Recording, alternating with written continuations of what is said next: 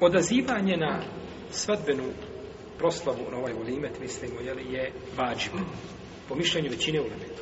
Znači, kada te čovj, tvoj brat pozove i ti nema šarijatskog uzora, bilo taj taj uzor vezan za tebe ili za spoljašnji faktor, ako govorit ćemo o tim uzorovima danas, moraš se odazvati. Ako se ne odazoveš, ti si griješ. Kaže Borelje, pa kada as Allahe wa Rasule, on je nepokoran Allahu i poslaniku. Ove riječi, iako su riječi ashaba, one imaju propis čega?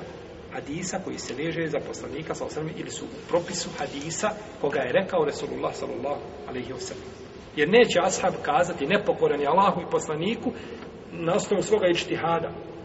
Nego je to rekao sigurno što je čuo. I na to ukazuje braću hadis Ibn Omara, kaže i da du'ije ahadukum tal juđim. Kad od vas neko bude pozvan, neka se odazove. A ovdje je naredbeno došlo u imperativu, neka se odazove. Pa odazivanje na poziv obavezno, vađi, ko se ne odazove, znači, nekom salam, on je nepokoran, Allahu i poslaniku, sallallahu alaihi wa sallam.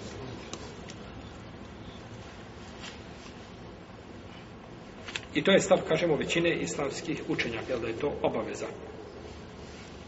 Bez razlike, daži znači, ili muškaraca i žena, osim ako se desi, jel, ne znam, miješanje muškaraca i žena i sveč o tome, onda u tom slučaju ne smije se to ispoštovati. Ko bude pozvan na gozbu ili na, na, na svadbu, a on posti taj dan.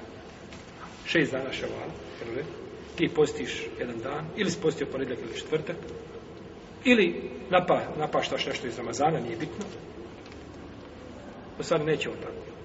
Ostavite na paštanje paštanje ostaje tu stranu. Postiš ponedljak ili četvrtak. Ili postiš bijele dane. Ili postiš šest dana šavala. I pozovete neko. Pozovete neko na svatku. Ti se trebaš odazvati u svakom slučaju. I onda imaš dva izbora.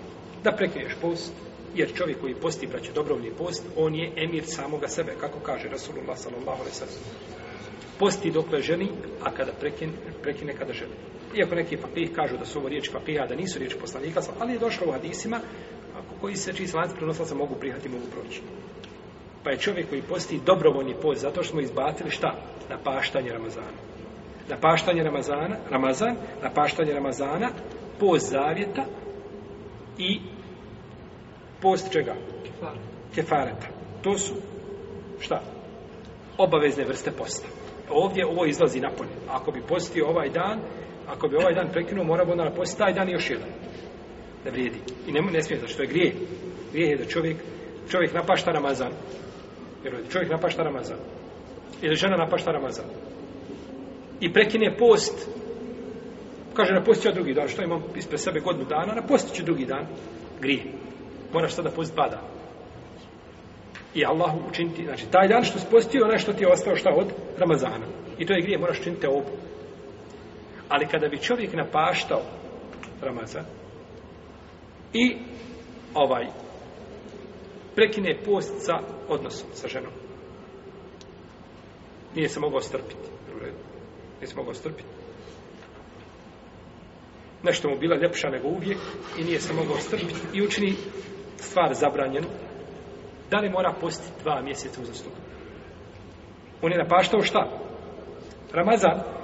I kada napaštaš Ramazan, svi hukmovi i propisi su isti propisi Ramazana. Nema razlike. Nikakve. Nemaš pravo prekinuti kada želiš, ako se najedeš i napiješ, nastaviš dalje poslije. Znači, sve propis Ramazana, nema razlike. Osim ove situacije. A to je kvaratelj iskupine. Tada nije čovjek dužan da se iskupljuje. Da, da, jel? Ja klasičnim našim iskupa, nego je dužan da ovaj, je da se pokaja Allah, te obu da učini, jer je učinio grije. Jer taj, taj, taj hurmet Ramazana, on je prošao, jer nije u ševalu hurmet čega? Ramazana. Pa ovaj ko to učini u Ramazanu, njegov grijeh je veći od onoga ko to učini šta mimo Ramazana, iako napaštao šta? Ramazan.